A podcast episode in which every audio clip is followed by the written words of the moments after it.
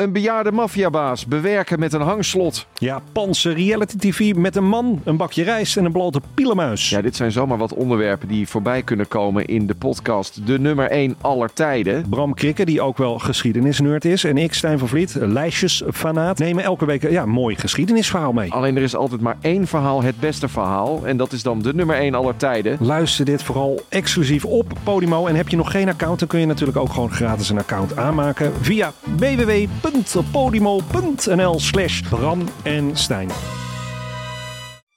Op een dag ontdekte ik Villa Betty.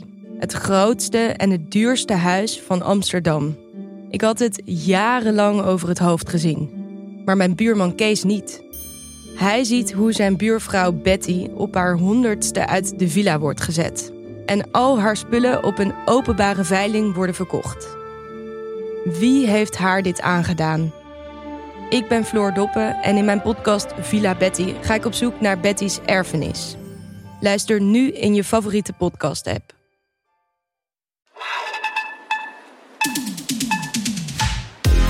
Welkom bij VSR. Voorheen Schaamteloos Randstedelijk. De podcast over alles dat je wel bent, maar niet wil zijn. Mijn naam is Doortje Smithuizen. Tegenover mij, hij heeft een nieuwe bodylotion van de Labo, het Sperren van de Brink. En zoals iedere week houden we onze luisteraar een spiegel voor en onderzoeken we de paradoxale relaties met de systemen om ons heen. Ja, het begon zo goed. We gingen ons steeds meer bezighouden met onze mentale gezondheid. We leerden onze gevoelens beter en sneller te uiten, vooral ook in situaties waarin we onze grenzen wilden aangeven. Maar slaan we daarin door? Sluiten we onszelf niet op in onszelf en verliezen we ons vermogen om ons te kunnen verplaatsen in de ander? Vandaag hebben we het over de voor's en tegens van Therapy Speak. Maar eerst de actualiteit.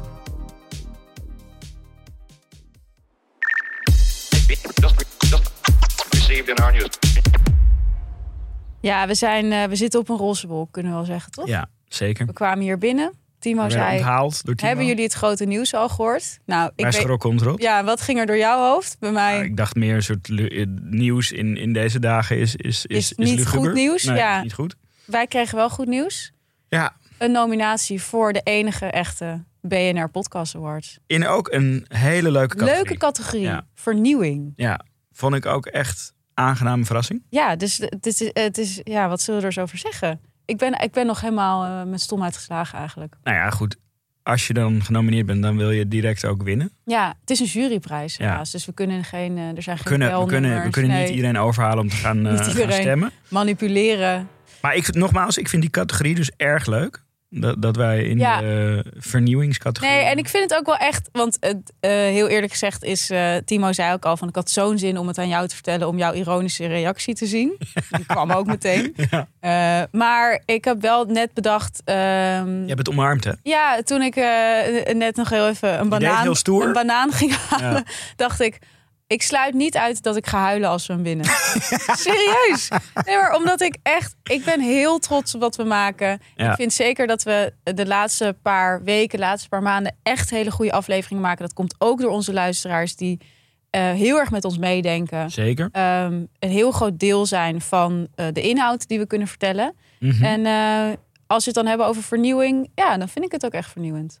Ja, en ik nou, ben er echt heel trots op. Ik, ik, ik, eh, ik ben helemaal overvallen door deze soort eh, mooie woorden. Maar ehm, ja, ik sta er omslag. aan. Ik ben, ik ben Ja. ook trots. Ik vind Nee, het ook ik ben. Ik ben al aan mijn speech aan het werken. Ja, precies. ja, ik ga ook huilen als we hem niet winnen, denk ik inmiddels. Nou, en terecht. Ik, ben, ik heb binnen het binnen een hele korte tijd heel belangrijk gaan vinden.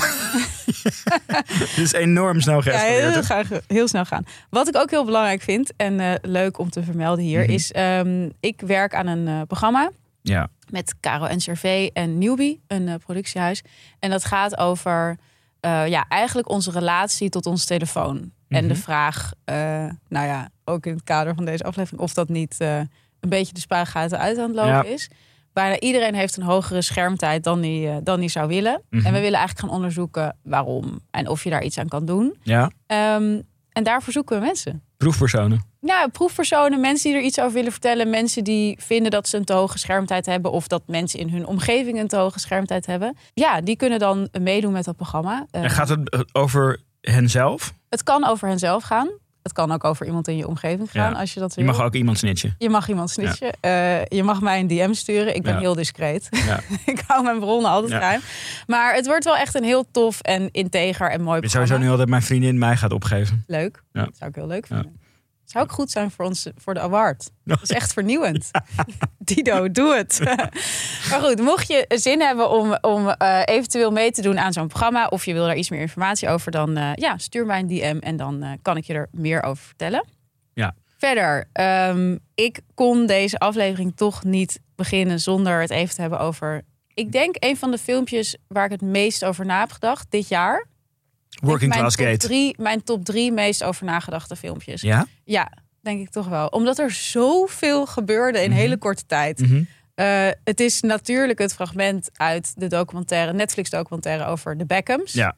I just fancied him, and it was as simple as that. Yeah, I mean, I think also we both come from families that work really hard. Both of our parents work really hard.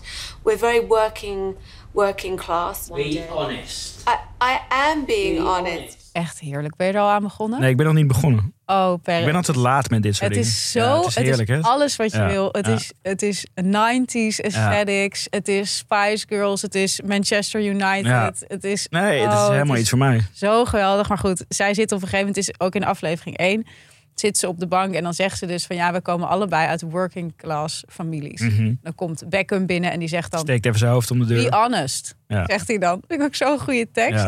En eh, ze- dan, nou, dan gaat het daarover door. Blijkt haar vader gewoon hartstikke rijk te zijn geweest. Ja. En Rolls Royce te hebben gehad. Daarom was zij natuurlijk Het was ook mooi dat hoe ze het toegaf van op het Ja. schoorvoeten ze van ja er was een periode Periode in de jaren tachtig. 80. Ja, dat vond ik ook zo goed. Ik heb dit filmpje zo vaak gekeken. Ja.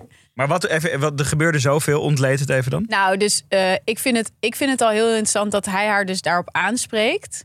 Dat vind ik namelijk eigenlijk heel goed. Zeker. Ik heb altijd een hele erge allergie voor stellen die in het openbaar kibbelen. Maar deze kon ik aan. ah, ja. Ook omdat ik vind, zo komt het in elk geval over, dat zij een hele leuke relatie hebben. Zo, Mhm, daar, daar verdenk ik ze van. Mhm. Ehm, dus da- dat vond ik al interessant, dat de een de ander daarop aansprak. Vervolgens is natuurlijk wel degene die haar aanspreekt op haar achtergrond...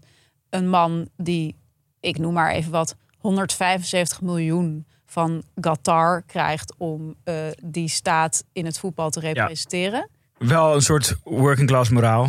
Gewoon je zak vullen. Pakken wat je pakken Ja. kan. Ja, dus hij mag dat dan zeggen of zo. Dat, daar, daar zet ik alweer vraagtekens bij. Dat, dat vond ik er interessant aan. En, en dus ook kennelijk dat mensen zo graag working class willen zijn. Ja, ik, ik, ik kreeg wel vooral ook weer eh, dezelfde vibe als met dat Timothy Chalamet en Kylie Jenner.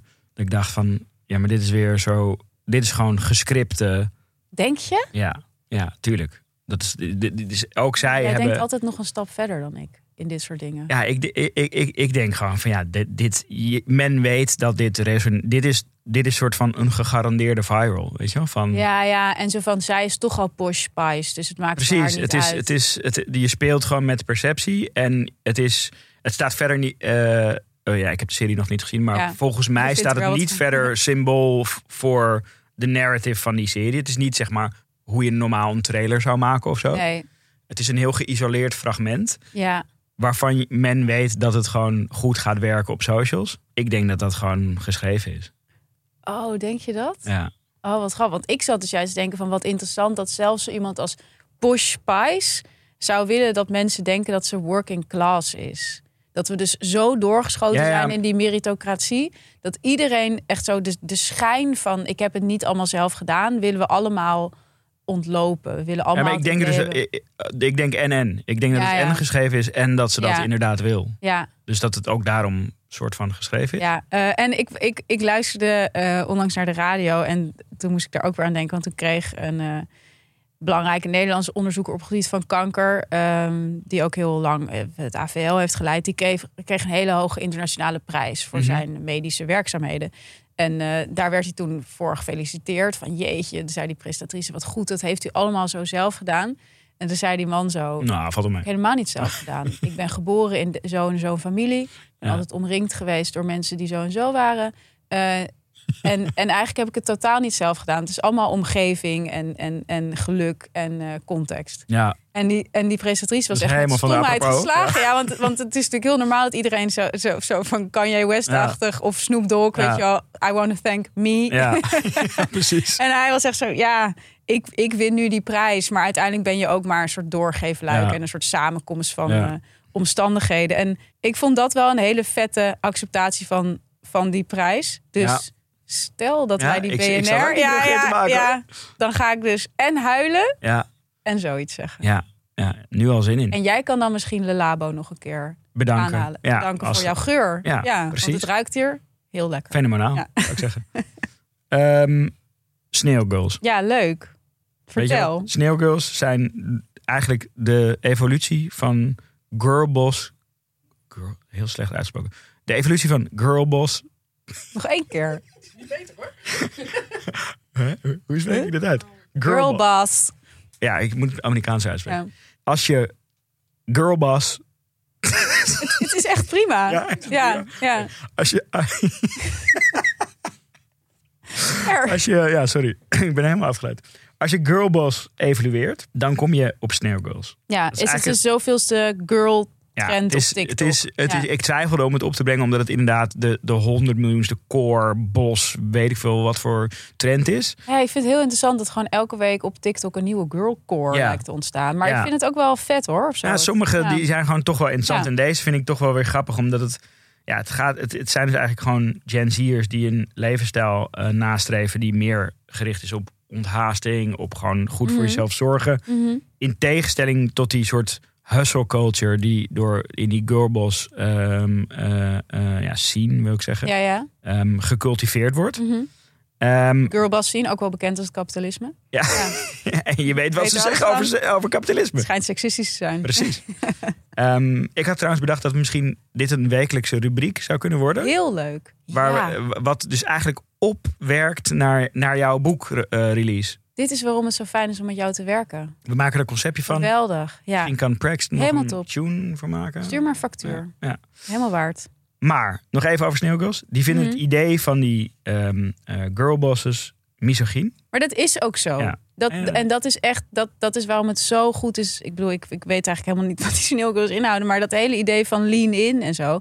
Is natuurlijk uiteindelijk dat je een patriarchale structuur omarmt. Exact. Om mee te kunnen doen met Ja. de jongens. Ja, dus jij moet je aanpassen om... om Aan de, ja. Precies. ja. Nee, dus daarom vond ik het dus toch de moeite waard om de zoveelste core of sneeuwgirl in dit En wat geval. doen de sneeuwgirls? Ja, dat, dat, dat, Want het dat- is dus de slakkenmeiden Ja. eigenlijk. Klinkt niet dat ik denk, nee, maar dat daar wil ik van, bij horen. Het is wel altijd bij dit soort dingen een beetje zo van... eh, eh, eh, de wortels zijn interessant. Ja, De, de expressie, is mediocre. medium, ja. Dus de expressie is gewoon eh, ontspanning, routines delen op TikTok. oh, echt? Eh, eh, vertellen hoe het gaat als je, als je, als je afstand neemt van prik- prikkels. Als je at capacity bent. Ja, precies. Oh ja. precies. Dus, Capacity girl. Ja. precies. Dus het is, het- Oh, de, ja. de, de uitvoering mag nog wel beter. Maar de gedachte... Precies. Ik vind het agenderen interessant. Ik erger me nu al een beetje aan de sneeuwgirl, eerlijk gezegd. Maar ben toch blij dat ze bestaan. Ja. Toch? En ook omdat sneeuwgirls moeten ook eten. Dus daarom gaan wij het nu eventjes Het hebben schijnt. over granola. Een, op, een optie in Ja. dat kader.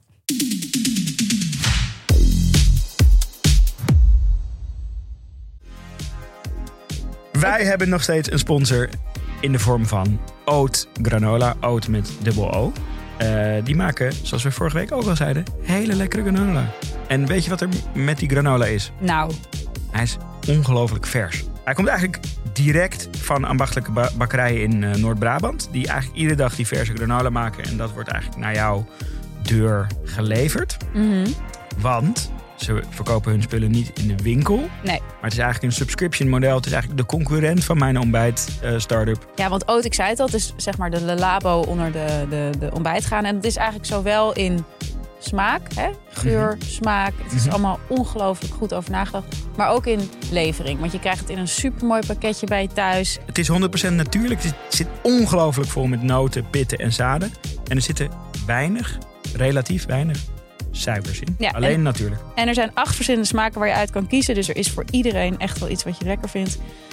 Lieve mensen, probeer het nu, want er is een tijdelijke aanbieding. Je kunt vier populairste smaken van oat proberen met het starterspakket van oat. Daarmee kun je ongeveer vier weken ontbijten. Normaal betaal je daar 22 euro voor, maar nu krijg je het tijdelijk voor 15 euro. 15 euro, vier weken ontbijt voor 15 euro. Come on, dat is echt niet zo heel veel geld. Kom naar zo. Bestel het nu via oat.nl, dus dat is dubbelot.nl slash schaamteloos. Doe het. En doe het. Eet het. Sneeuw girls.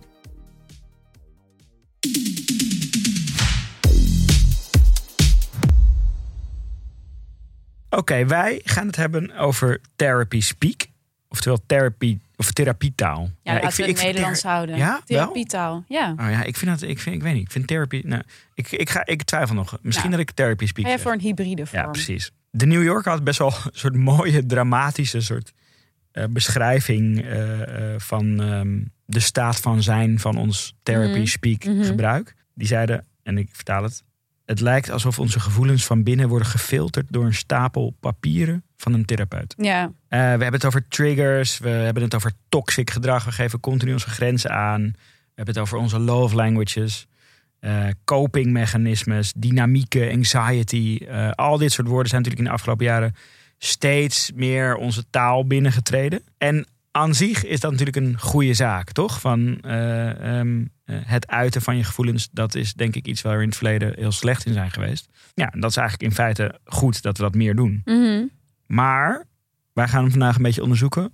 Zijn we niet ook op een bepaalde manier een beetje in aan het doorslaan? doorschieten. Ja. Ik zat een tijdje terug eh, met mijn kinderen ehm, een film te kijken van Pixar. Inside Out heet die. ja, die heb ik ook gezien. Heb je die gezien? Ja, Ja, ik vond het een hele cute film. Het gaat dus over een eh, meisje dat verhuist van Minnesota naar San Francisco. Eh, en ja, zij eigenlijk gewoon met die, met die verhuizing eh, probeert om te gaan. En dat doet ze dan samen met haar emoties die dan eigenlijk als karaktertjes Ja. gevisualiseerd zijn. Gewoon de basisemoties. ja. Wat dus best wel op een leuke manier dus het idee van therapie ook wel soort tot leven brengt. Denk ik. Ja, ja, een soort kindertherapie. Ja. Disney-therapie. Ja, Ja. precies. En ik, ja, ik vind sowieso, als je, naar die, eh, als je naar die Disney en Pixar films van nu kijkt, dan zie je gewoon heel erg de tijdgeest daarin weer klinken. Nou, toen ging ik daarover nadenken en toen moest ik terugdenken aan een eh, eh, project. Want we hebben het nu eigenlijk over de soort van cute, gezellige Mhm. kant van, van dit, dit fenomeen. Maar laatst had ik ook weer de schaduwkant Ja. meegemaakt. Ik zat in een project en ehm, ja, daar had ik iemand voor ingehuurd. Eh, die moest eh, daar wat werk voor doen. En deze persoon was echt soort, voor mij een soort hele enge Gen Z insight die Ja. tot leven was gekomen. Eh, namelijk, die persoon was eigenlijk alleen maar bezig met grenzen aangeven. Eh, Ik heb en jou hier ook zoveel over Ja. gehoord. ik, ik wist gewoon ik weet echt alles. niet. Ik weet al alles Nee, van precies. dit project. gewoon, misschien moet ik me tot Timo richten. Ja, ja, Gewoon- ja. ik wist gewoon echt niet hoe ik daarmee moest, Nee. moest omgaan. Die. En ik dacht de hele tijd van, dit, was, dit begon al voordat het werk geleverd was. Dus ik dacht, nou, dit kan niet, dit moet goed Hij was al grenzen aan het aangeven voordat jullie überhaupt het land nog niet eens begonnen. Ja. En dus ik denk van, nou, als ik die eerste eh, dingen krijg, dit moet gewoon helemaal top zijn. Want je gaat niet zo doen als je gewoon eh, geen topwerk levert. ja, ja, ja. Nou, dat, dat, dat, werd een, eh, dat werd een teleurstelling. Ja. Dus in dat, eh, dat, dat, dat proces van dat, er- dat, dat er grens werd aangegeven, dat, dat, dat werd steeds meer. En toen kwam dus het eerste werk terug en was echt zo, oké, dit, is, dit, dit was de, de- het stukje grens aangeven en dit was het werk? Je was niet onder de indruk. Ik was echt niet onder de indruk, to say the least. Ja. En toen dacht ik echt van, hoe kan dit? Hoe kan je zeg maar zoveel passie en energie steken in het aangeven van je grenzen en zo weinig in je werk? Ja, Ja, ik was echt gewoon ernstig in de war hiervan. Ja. Ja, ja. en toen dacht ik van ja, dit is best een goed onderwerp. Toen dacht je, nou, dan moet ik er zomaar iets van maken. Ja, op die manier. Ja, precies. Kan, Ja. Ik, kan ik het weer op een andere manier monetizen? Nee, ja, en we hadden het hier van tevoren ook over dat je zei van, ehm, ik wil het hier wel over hebben, maar ik vind het ook moeilijk om het erover te hebben. Toen zei ik, ben je bang dat je gecanceld wordt? Cancelangst. Ja, toen zei Ja. je nee, ik ben gewoon bang dat mensen mij een boomer vinden. Ja, ja, want dat was Ja. in dit proces wat ik de, he- wat de hele Ja. tijd. Ik, de, ik was gewoon de hele tijd in de warm. Dat ik dacht van oké. ja, ik, ik, ik bedoel, wat ik aan het begin zei van. Hij voelt voor mij als een Gen Z insight Ja. die ik echt wel ken. Ik bedoel, ik lepel ze de hele dag op in mijn werk. Weet je Ja, ja. Eh, maar als het dan tot, tot leven komt, Ja. net zoals in die Pixar-film, dan is het toch weer eventjes anders. En dan voel je een enorme afstand tussen jou en die persoon.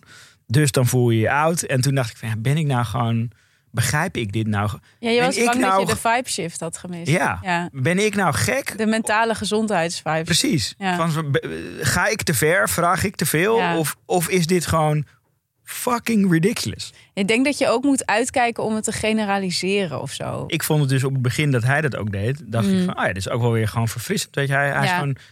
Ik vond het ook heel zakelijk en Nou volwassen. ja, dus, dus op werkgebied vind ik het eigenlijk heel goed. En denk ook van wij mogen daar ook geïrriteerd over zijn. En ik vind dat wij dan ook mogen zeggen van nou, voor mij werkt dat niet. En Nee. dat is dan ook prima. Maar ik vind het meer in dat, dat qua dat therapietaal. Ik vind het dus veel meer in mijn persoonlijk leven dat ik daarmee bezig ben. En dat Ja. ik denk, waarom heeft iedereen het zeg maar sinds een jaar of zo in één keer over grenzen aangeven, eh, ruimte innemen. Er zijn een soort van termen, Ja. eh, het jargon ingeslopen.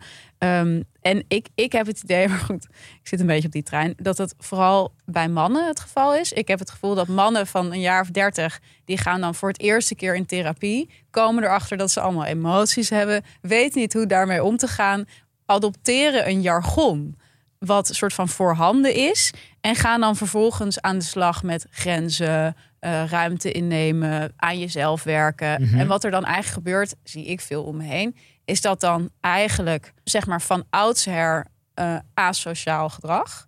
Om het even heel gechargeerd te zeggen. Mhm. Een soort rebranding krijgt van ruimte innemen. Of dit is mijn grens. Jij vindt eigenlijk alle mannen van een jaar of dertig soort Jonah Hill. Nou, ik moest dus denken aan Jonah Hill. Dat hij dus inderdaad, daar hebben we het eerder over gehad, tegen zijn vriendin zei van die eh, surfmodel Ja. was of zo. Ja. Van ik wil niet meer dat jij foto's van jezelf in bikini online zet, want dat gaat over mijn grens. ja. En dat is een beetje waar voor mij de, de om het maar in therapietaal te zeggen, de red flag omhoog Mhm. gaat. Omdat ik denk, ja, dan kan je gewoon een soort van salonveege taal Ja. kan je dan adopteren om eigenlijk wat je maar wil te verkopen als zijnde goed voor jouw mentale gezondheid Ja. en daarmee goed. ja. En dat is eigenlijk waar ik Dat is eigenlijk wat we wilden onderzoeken, toch? Van, Ja. kan je dus, kan dit, is dit het soort de negatieve kant daarvan? ja, precies. En is dat dus eigenlijk een beetje asociaal? Mm, jij zegt het. Ja, nou ja, jij zei het net ook. Ja.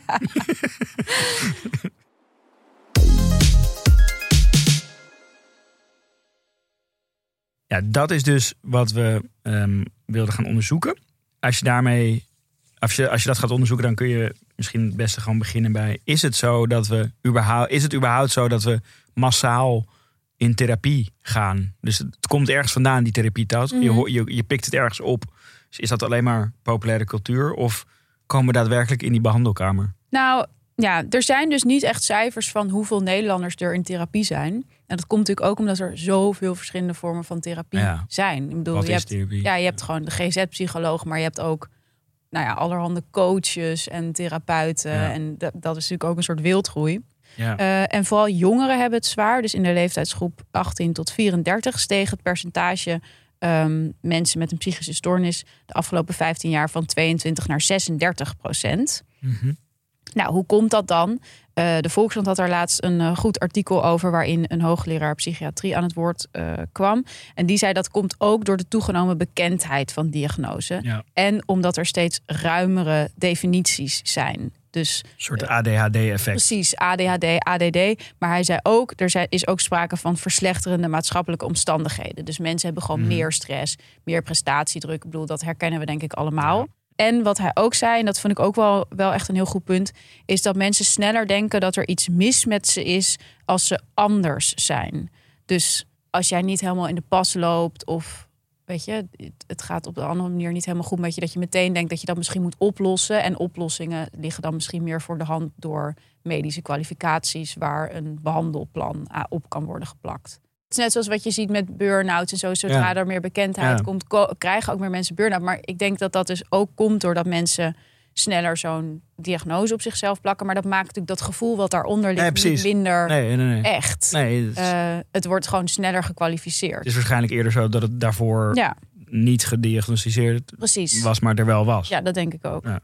En ik denk ook dat dat, dat, dat stigma wat Mhm. op hulp inroepen, wat we, ja, ik denk ook in onze jeugd nog best wel ervaarden, dat dat gewoon voor een groot deel weg is. Zeker Ja? in, in, in, in, in, in, een soort randstedelijke bubbel, denk Ja. ik. Maar ik denk wel dat dat ook door populaire cultuur steeds meer is genormaliseerd. Ik kan me nog bijvoorbeeld herinneren dat toen ik voor het eerst naar een psycholoog ging op de middelbare school, was vlak bij Mhm. mijn school. Ja, En dat ik dat dus heel kut vond, omdat het vlak bij mijn school was. Ik, ja dat snap ik. Iedere keer dat ik daar naar binnen ging, soort links en rechts en over mijn schouder keek. Om te kijken of ik niet iemand zag die ik kende. Omdat ik dacht van ja shit, straks zien ze dat ik bij, bij, die, eh, bij zo'n... Terwijl als je daar iemand... Oh, als je naar binnen ging. Ja, ik dacht gewoon in- gênant. Ik ga bij een psycholoog naar binnen. Straks, Ja. straks zien ze me. Ik weet niet, ik kan me voorstellen dat op middelbare scholen misschien nog steeds wel een beetje... Ja, wellicht. Maar inmiddels... onder- nou ja, denk je? weet ik niet, maar ik heb onder dertigers in elk geval het idee... echt wie zit er niet bij Nee, nu zou je gewoon in een Ja. sollicitatie over je therapeut en, en, beginnen. en je hebt het ook de hele over je therapeut. Toch een soort vergelijkend Ja. ware onderzoek van hoe is het bij jou in therapie. Ja, het is wel Ik- grappig, want ik, ik, ik las een artikel en daarin werd aangehaald dat dat in eh, van die wat, beetje wat oudere Woody Allen films, dat, dat, dat dat zo, eh, hij heeft daar toch heel vaak van die upscale New Yorkers als, Ja. als soort van daar spelen zijn verhalen zich een beetje af. En die hebben dan de hele tijd over hun the- therapeut en ver- vergelijkingen. Maar dat is inderdaad steeds meer minder elitair geworden of zo. Ja. Dat mensen dat nog meer met elkaar. Ja, het is nog steeds een Ja. vleugje elitair, ja. maar wel minder dan toen of zo. ja, denk ik ook wel. Ja, het is, het is iets normaler geworden of zo. En wat we dus ook zien, is dat therapie als onderwerp in alle soorten media een enorme vlucht hebben genomen. Ja. We, hebben, we, hebben, ja, we hebben gewoon fictieseries. Dus bijvoorbeeld lokaal had je die serie thera- in therapie. In therapie, ja. Eh, ehm, podcasts. Esther Perel bijvoorbeeld, Ja. super populaire. Maar ook in. Gooise Vrouwen had je al Dr. Ja. Rossi. Ja, ja, ja, nee, precies. Maar dat is een beetje dat Woody Allen gevoel Ja, of zo. precies. Ja. En nu is Eh, Dr. Rossi gewoon genormaliseerd. Ja. Zit ook in Nou ja, oogappels. je, je hebt een, eh, je hebt een, ja, precies in de oogappel zit het. Maar je hebt ook een serie van Vice. eh, volgens mij heet die ook in therapie. Mhm. Waar ze gewoon met rappers en, en, en meer Oh, soort ja? van Vice-achtige mensen in therapie gaan. Mhm. Nou ja, ik vind het. Kijk, het is natuurlijk interessant, want dat therapie wordt natuurlijk gewoon steeds meer een online ding. Alleen al omdat mensen ook meer online therapie hebben, dus via Mhm. Zoom en zo'n platform als BetterHelp en zo. Mhm. Maar die sociale media zijn natuurlijk ook een enorme katalysator voor het verspreiden van therapeutisch taalgebruik. Ja. If a man says these things to you, you're being gaslit. You probably don't even realize it. Five signs you're in a toxic relationship. If you're experiencing these things, it's time to leave. Herken jij een narcist? Dit zijn de vijf signalen van een narcist. Eh, weet je, op TikTok worden allemaal van die stoornis specifieke struggles worden eigenlijk heel erg ja, in, in een klein hokje eh, geduwd. En dan worden daar allemaal grappige filmpjes over gemaakt. En dat is ook wel, als je dat artikel in de Volkskrant leest, waar psychologen zich ook wel enigszins Zorgen. over maken. Omdat dus termen als eh, narcist bijvoorbeeld, dat is natuurlijk eh, op, op, op TikTok. zijn er zoveel van die filmpjes van tien tekenen dat je met een narcist aan het Mhm. daten bent of zo. Mhm. En dan zijn er dus tien dingen waar zo'n zo'n persoon aan kan voldoen. En dan is het dus een narcist. Tag away in ja, de precies. En dat is wel, ik zie dat dus in mijn, in mijn omgeving ook best wel veel terug. Dus eigenlijk alles wat er relationeel gezien gebeurt, wordt eigenlijk ja, gecategoriseerd aan de hand van een soort van psychologische termen. Ja? Ja, dus zeg maar, alles is ofwel een jeugdtrauma, of inderdaad iemand is narcist, of iemand is onveilig gehecht. Ja, of dus zo, weet je. mensen krijgen echt tijdens een etentje een diagnose bijvoorbeeld. Ja, en, en, en dat is wel, ik vind dat dus wel interessant. Dus ik ben er dus heel duaal in. Want ik vind het dus enerzijds heel goed. Ik geloof bijvoorbeeld ook heel erg in systeemtherapie. Ik bedoel, dat doe ik zelf ook. Dat het gewoon heel goed is om je eigen afkomst en je eigen levensloop eh, mee te nemen in hoe je je gedraagt. En te zien dat dat heel veel invloed op je heeft. Mhm. Eh, ook als je dat niet doorhebt. Maar anderzijds heb ik ook het idee dat we steeds meer een soort van moeite hebben met de realiteit of zo. Of met Ja. het leven. Ja. En dat we daarom gewoon alsmaar zoeken naar verklaringen Ja. voor alles. Terwijl heel veel kan je natuurlijk niet verklaren. En soms zijn dingen gewoon kut. Ik denk dat En, en, is, en is niet iemand onveilig gehecht, maar vindt iemand jou gewoon niet leuk. niet, niet meer leuk. Ja. Ja. En, dat, en dat willen we gewoon niet meer echt onder ogen komen. Ja. Iedereen is een soort van speciaal mens met een speciale bagage. En die heeft een soort hokje. En daardoor is dan alles te verklaren of zo. Oké, en voordat we nu hebben, tot we toch ons gaan eh, lijken te onthullen als boomers die er geen zin hebben in dit soort omslachtige taal.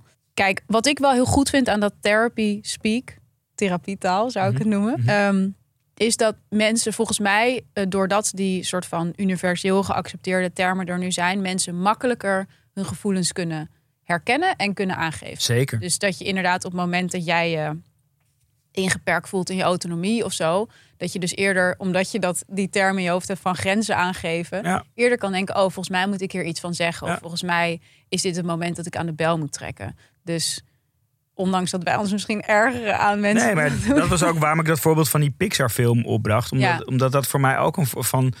Er was een tijd dat Disney een soort van. Ja, een soort koloniale narrative in de kinderfilm eh, Ja. eh, ging verweven. Inderdaad. En nu. eh, Wow, wanneer gaven die prinsessen een keer een grens aan, zeg? Jezus. ja, ja, precies. Ja, en nu maken ze dus een film. Die waren echt heel onveilig gehecht. Ja, die waren echt als een poester. Wow, hoe onveilig gehecht was Sneeuwwitje. Precies. Damn. Een soort hele toxic familie. Ja, ja. Het, The Lion King trouwens ook. Simba. Ja. Heftig. Heel heftig verhaal. Maar nu met zo'n. Met zo'n Echte, Scar was echt een narcist. Ja. even ophouden hiermee. Oké, we Ehm, gaan maar even naar de sponsor. ja.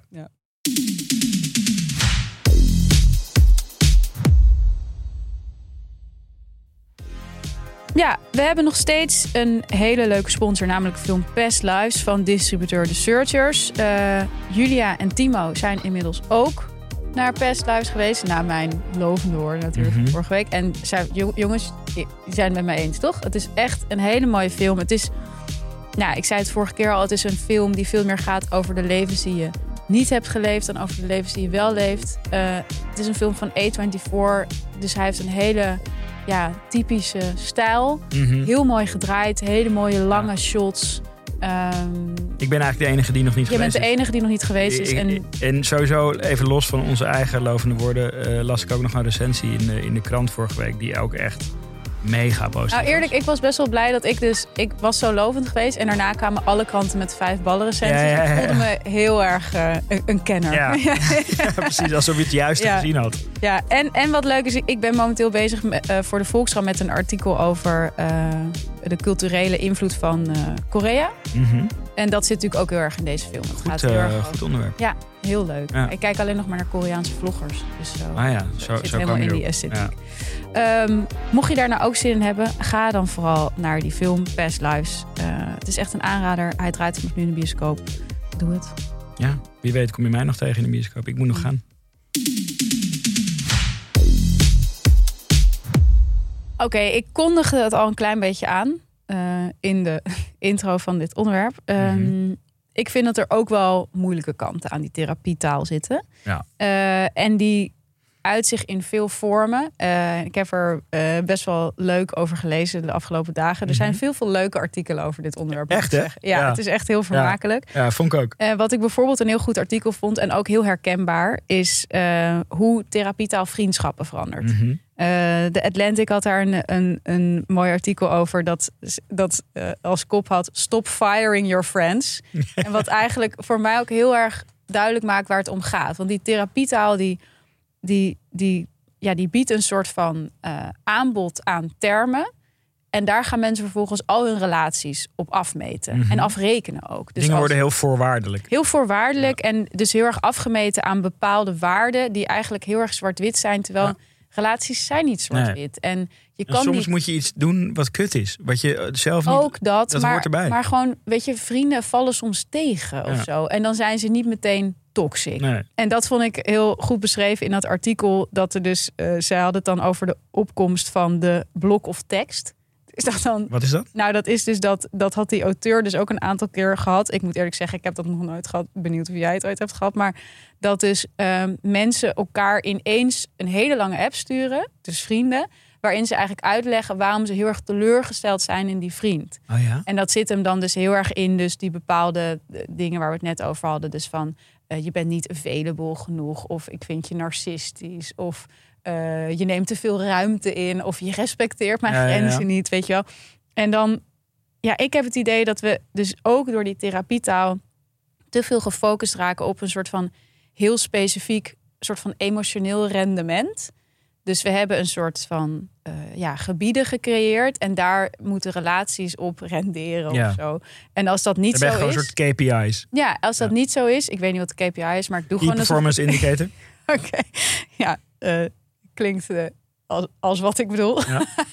en als dat niet zo is, dan, ja, dan is die relatie meteen slecht. Mhm. Terwijl ik denk, heel veel van menselijke relaties kan je natuurlijk gewoon eigenlijk ook niet vatten in dat soort ja, vaststaande termen. Er is natuurlijk altijd sprake van eb en vloed. En soms valt iets even tegen en soms kost iets even tijd. En dan, Ik kan bij, bij deze eh, eh, blok of tekst. ja. Ik word, ik Heb word jij er wel eens echt- een blok of nee, tekst ik heb het nog niet gehad. En ik hoef het ook niet te krijgen. Oké, bij deze. Hou het in, mensen. Nee, ik word, ik word er meteen geïrriteerd van. Want ik vind het typisch zoiets wat mensen niet durven over de telefoon. Of Ja, in real ja. life. En dan in een soort appje. Wat ook niet een conversatie is. Maar meer een soort statement. Nou, precies. En dat is denk ik wat die therapietaal ook heel erg doet. Het Ja. is eigenlijk extreem onpersoonlijk. Ja. Zeg maar, het, het is een soort van persoonlijk, maar, maar helemaal zo omvat door een soort van HR-achtige connotaties dat het helemaal niks meer met persoonlijke relaties te Nee. maken heeft. Ik had ook een tijdje geleden, zei een jongen tegen mij, ik denk in een soort poging tot toenadering, dat hij het idee had dat wij dezelfde love language hadden.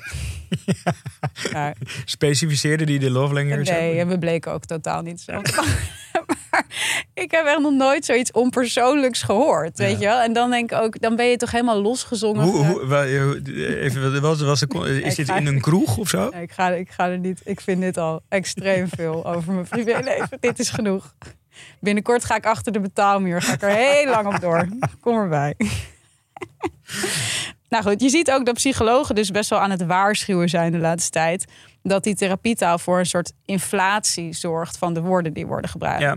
Dus bijvoorbeeld zo'n term als gaslighting. Dat is echt een, dat neemt een enorme vlucht. Volgens Ja. mij ook op, eh, op sociale media. En ja, dat, dat wordt eigenlijk ook gebruikt. Ik zie dat ook heel erg om me heen. Voor eigenlijk alle vormen van asociaal gedrag. Vooral bij mannen, moet ik wel Mhm. eerlijk zeggen. Dus iemand eh, zegt een afspraak af, ja, is gaslighting. Eh, iemand eh, reageert laat op een app, ja, super gaslighting, weet je wel. ja. Terwijl dan zeggen die psychologen dus van, ja, gaslighting. Eigenlijk het beste voorbeeld van gaslighting vind ik die film Shutter Island. Weet je wel? Het is gewoon bijna een soort marteltruc. Mhm. Ja, waarbij syste- iemand systematisch. systematisch ja. tegen jou zegt, jij spoort niet. ja, jij bent het niet waard. Ja, maar dus zeggen van, huh, BNR-podcast, Perre, daar zijn wij helemaal niet voor genomen. Ja. Dat je echt denkt, en dat jij gaat denken van, huh, en dat is gaslighting. Maar Bijvoorbeeld. ja, Heel persoonlijk. Huh? Die luisteraars zitten ook echt, die zijn ook meteen gegaslight door mij. Maar snap je dus heel erg dat manipuleren en dat is echt gaslighting. En dat, ja, dat is natuurlijk enorm inflatoire nu. Je ziet het, je, ik, ik heb even opgezocht in zo- zoekvolumes. Mhm. Eh, op Google is echt exponentiële groei uh, afgelopen uh, zes, zeven jaar. In gaslighting. Gaslighting, ja, ja, ja. Maar ook in Ook top- omdat, volgens mij ook omdat mensen gewoon denken van gaslighting. Ja, wat de fuck is Wat- dat? wat is ja? Heb ik, al, heb ik iemand gegaslight? Maar is dat ook bij bijvoorbeeld toxic? Het geval? Ja. Ja, Ja, grappig. Want dat is dus ook zo'n woord waar psychologen heel erg voor waarschuwen. Ja. Dat is iedereen. De hele ik vond alleen die, die, die, die, dat, die zoekterm is minder volledig toe te schrijven aan, aan therapy speak. Omdat toxic natuurlijk ook giftig gewoon is. Oh, Kan je ik ook dacht dat je een- ging zeggen, het is natuurlijk ook een hit van Britney Spears. Timo dacht het ook, ik zie het aan hem. Nee, ik dacht Een gewoon, cultureel moment. ik Ja. dacht gewoon aan ehm, ja, eh, eh, kinderen die, die schoonmaakmiddel opdoen. We hebben echt hele andere referenties op dit punt. Maar goed, even terug naar de, de, de therapie term toxic. Mhm. Kijk, psychologen spreken eigenlijk alleen van een echt toxische relatie als er sprake is van bewust aangedane schade van de een op de ander. Ja. En dat is natuurlijk, ja, als ik ook om me heen kijk, hoe snel mensen dat ze zeggen, is zo'n toxic persoon. Of Ja. "Ah, mijn werkgever is echt heel toxic. Ja. Denk ik, ja, dat is dan toch echt niet het geval. En waar ook veel voor wordt gewaarschuwd, is dus dat het ook ja, beledigend is misschien niet helemaal het woord, maar devalueert, zeg maar. Dus Ja. wat het ook als het bijvoorbeeld gaat om trauma. Dus heel veel, vaak zeggen mensen nu van, dat is echt traumatiserend. Oh, mijn break-up was echt traumatiserend. Of dat functioneringsgesprek was traumatiserend. Of weet ik veel. Maar kijk, als je echt een trauma hebt, dat is in principe gewoon een fysiologische stoornis in je zenuwstelsel, waardoor je een bepaalde ervaring steeds herleeft. Mhm. En dat is verschrikkelijk. Ik bedoel, Ja. PTSS is een enorm Ja. probleem voor heel veel mensen. En het is natuurlijk ook wel heftig als iedereen Dat maar Als maar- appropriate eigenlijk Precies, gewoon. waar jij gewoon echt heel Ja. veel last van heeft, hebt. Dus dat is ook iets waar psychologen voor waarschuwen. Oké, eh, dat wat betreft de psychologen. Ehm, wat ik zelf ingewikkeld vind aan therapie, ik ben geen psycholoog, maar ik heb er wel een mening over. Ehm, kijk, ik denk, zoals ik eerder al zei, het geeft mensen echt goede handvaten om zichzelf beter te begrijpen. Mhm. Ehm, en daardoor kan je misschien ook een gelukkiger leven leiden of duidelijk Ja. weten wat je wil. Maar ik heb het idee dat het dus ook echt zorgt voor best wel in zichzelf gekeerde mensen die eigenlijk niet met anderen communiceren en eigenlijk alleen maar bezig zijn met het soort van ontwijken van negativiteit, Exact. negatieve emoties. En ehm, ik eh, heb de eer om af en toe voor de Volkskrant eh, tv te mogen kijken en er iets van te vinden. En eh, in dat kader heb ik toen ook eh, B&B Vol Liefde gekeken. Mhm. Heel uniek. Dat was een hele leuke keuze van mij. Ja, Heel erg off the grid. ja. En ehm, Een beetje zoals Past Lives, een beetje een soort, soort arthouse-achtige keuze. ik doe alleen maar arthouse in principe. Maar eh, als je kijkt naar dat programma, dan zie je echt hoe die therapietaal, zeg maar, ons ja, liefdesleven of ons datingleven Ja. in is gekomen. En wat dat ook met ons heeft gedaan. Want die deelnemers, hoewel dat programma draait om liefde, het wordt eigenlijk zelden persoonlijk. Want ze zijn eigenlijk constant met elkaar in een soort heel afstandelijk functioneringsgesprek. Ze zijn alsmaar die termen op elkaar aan het afvuren en daardoor zijn ze nooit aan het verbinden. Ze zijn alleen maar bezig met die soort van mentale checklist waar ik het eerder over had. Van gaat iemand over mijn grens? Is iemand narcist? Ervaar ik microagressie bij deze persoon? En kijk, in plaats van. Dus ik vond dan dus één. eh, Ik bedoel, Timo heeft ook genoeg over deze man gezegd. Maar je had dus één persoon daarin, Walter. En dan was dus een soort van spiri gast. Eh, met een soort tantra. Ja, dat weet ik zelfs. Ik heb niet eens gekeken, En maar- die man, wat, hoe noemde jij hem nou, Timo? Een, een, een spiritueel narcist. Ook een leuke therapieterm. Maar die vond ik dus wel heel erg goed. Omdat hij dus... Hij, hij was echt de koning van de non-persoonlijke communicatie. Dus hij zei dan... zei hij? Nou, bijvoorbeeld dan was een vrouw... die was dan al weken in die B&B. En hij, hij was ook... Hij, die man houdt gewoon van aandacht. Mhm. Dus hij vond het leuk dat die vrouw er was. Die vrouw was smoor verliefd op hem. Maar hij wilde niet met haar. Nou, dat kan. Maar dan, dat durfde hij dus niet te zeggen. Of dat wilde hij niet zeggen, want hij wilde gewoon die aandacht van die Ja, vrouw. ja, eh, en dan ging zij dus eh, bijvoorbeeld vragen aan hem van... vind je mij aantrekkelijk? Wat een relevante vraag is als je meedoet aan het dateprogramma. Hele directe, maar, maar relevante Ja, heel goede vraag. En dan zei hij dus niet van nou, nee, wat duidelijk het geval was. Mhm. Maar dan zei hij: Ik voel wel heel veel universele liefde voor jou. ja, en daar, dat, oh, dat vind ik zo erg. En dat was dus ook bijvoorbeeld, je had, Maar dit is, dit is in feite wel een soort gaslighting, toch? Ehm, Zeg, maar, als, je dit stelsel, als, als dit weken zo is doorgaan. ja, dat ging maar door, weet je. Dit, dit, dit- ja, misschien zou je dit wel gaslighten kunnen dus dit is duidelijker wordt Daar het durf niet. ik me nu niet meer aan te wagen. Maar je had ook bijvoorbeeld in het, in het seizoen daarvoor... dat was ook echt zo'n viraal fragment... had je dus zo'n B&B-eigenaresse Astrid. Mhm. En die had ook de hele tijd dat mensen over haar grenzen gingen. Maar eigenlijk bedoelde ze gewoon... ik vind jou niet Irritant. leuk en ik wil niet met jou zijn. Want zodra er dan een man kwam die ze wel leuk en aantrekkelijk vond... dan waren die grenzen in één keer als sneeuw voor de zon verdwenen.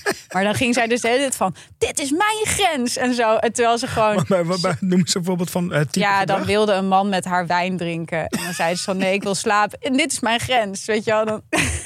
ja, maar snap je dus... En voor, voor die mannen was dat ook heel verwarrend. Want die dachten dan van oké, er lopen hier dus allerlei lijnen die ik niet zie. En waar ik rekening mee moet houden. Terwijl als je gewoon zegt hoe je voelt... Dan heb je dat probleem niet. Maar ik denk ook misschien weten we niet eens meer hoe we ons voelen. Omdat we dus al in, in al die termen We verstrikt zijn geraakt. Ja, precies. En, en ik vond dat gewoon, ja, het is een soort van dat recyclen van die gratuite termen.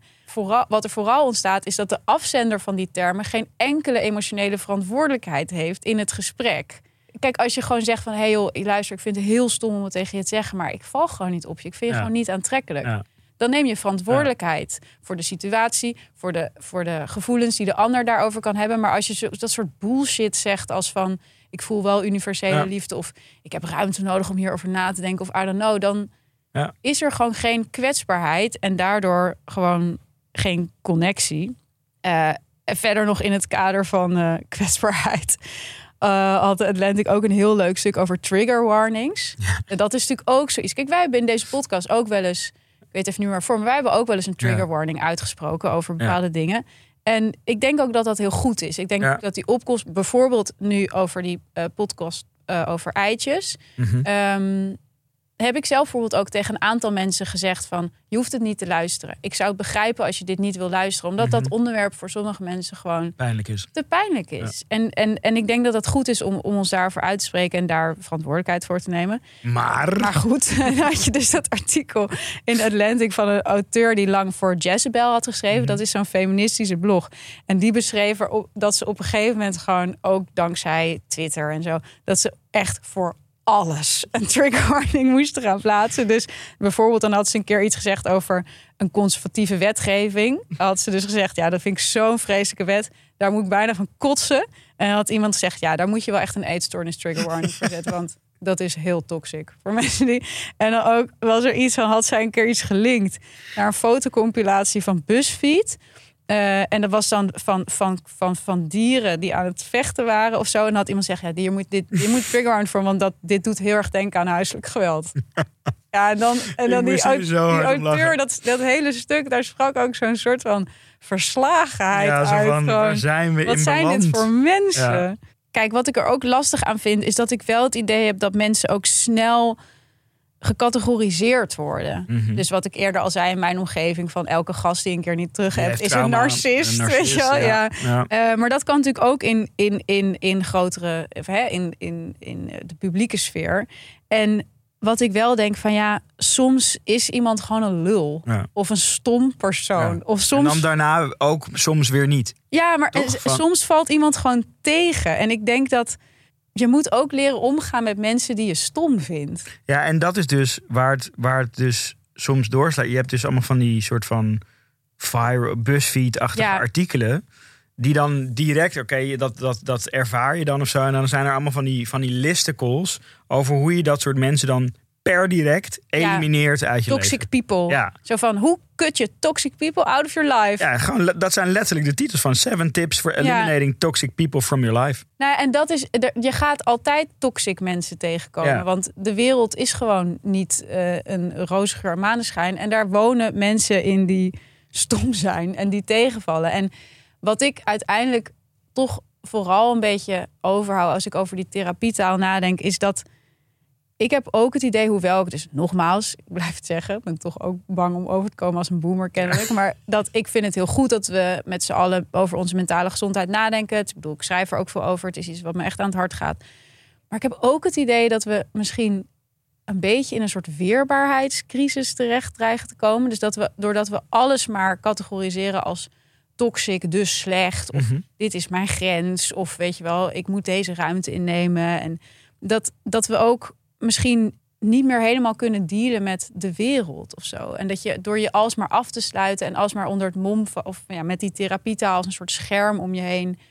ehm, Ja. je, je, je niet meer hoeft bezig te houden met dingen die je stress eh, bezorgen of die je een negatief gevoel geven. Dat je uiteindelijk ook een soort van rare relatie krijgt met de realiteit. Ja, en volgens mij, als ik, als ik zo nadenk over deze aflevering, dan Mhm. is het. Het gaat ook heel erg over de devaluatie van woorden. Toch? Van, we hadden een keer heel lang geleden eh, best wel een geinig artikeltje. eh, eh, toen ik nog bij Vice werkte op Vice. En dat ging over de devaluatie van het woord prima. Hoe dat Ja, ja, ja. ooit een, een, een, een, een klassificatie was van iets wat eigenlijk bovengemiddeld goed was. Mhm. En nu een soort mediocre ding. En toen had ja, ja. die redacteur, ehm, eh, die was een rondje gaan bellen bij, naar bedrijven die prima in hun bedrijfsnaam hadden. Zo onder andere prima psychologen. Ja, prima. Om te vragen van, Ja. wat doet dat nou, de devaluatie van dit woord? Heel Nou, grappig. dat was natuurlijk gewoon eh lachen, gieren, brullen. Maar Ja. en nou, die mensen die, die, die herkenden dat ook helemaal niet. Maar in ieder geval, dit, dat voel ik ook een beetje bij dit of zo. Van, al, de, het hele fundament van die therapietaal ben ik helemaal voor. Nou ja. Mits, mits de juiste definities gebruikt worden. Ja, en dat je ook dat je uiteindelijk, en dat, dat is denk ik waar het ook een beetje voor staat. Het is natuurlijk super individualistisch. Die hele therapietaaltrend draait alleen maar hoe dingen zijn voor jou. Ja. En hoe iemands gedrag jou doet voelen. Terwijl uiteindelijk, als je ook denkt aan therapie, gaat het misschien ook een beetje om hoe moet je De met relatie. elkaar omgaan. Ja, en ja. hoe moet je met elkaar verbinden. En ik heb het idee dat we dat een beetje uit het oog verliezen. Omdat we, kijk, duurzame relaties en verbinding, dat heeft altijd kwetsbaarheid in zich. En geen enkele relatie is altijd goed. En geen enkel leven is altijd Nee. goed.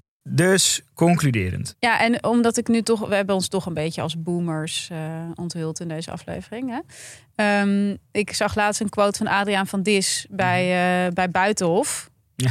Nou, dan weet je dat je echt 60, Boomer, de 60 boomer. plus benadert. Ja, ja, Ehm, maar daarin zei hij, de wereld is geen safe space. Je kan niet in je eigen bubbel leven. Je hebt je gewoon te verhouden tot de realiteit en tot anderen. En dat is soms niet leuk. Ja. En ja, dat kan vervelend zijn. Maar je hebt er wel, ja, je moet er ook een beetje mee omgaan. Want als je helemaal niet weerbaar bent, dan wordt het leven gewoon best wel Kut. lastig. Ja, en ingewikkeld. Dus ik denk En dat. andersom. Nou ja, Als ik, je wel weerbaar bent, dan. is het leven veel leuk. Ja, ben jij zo weerbaar dan?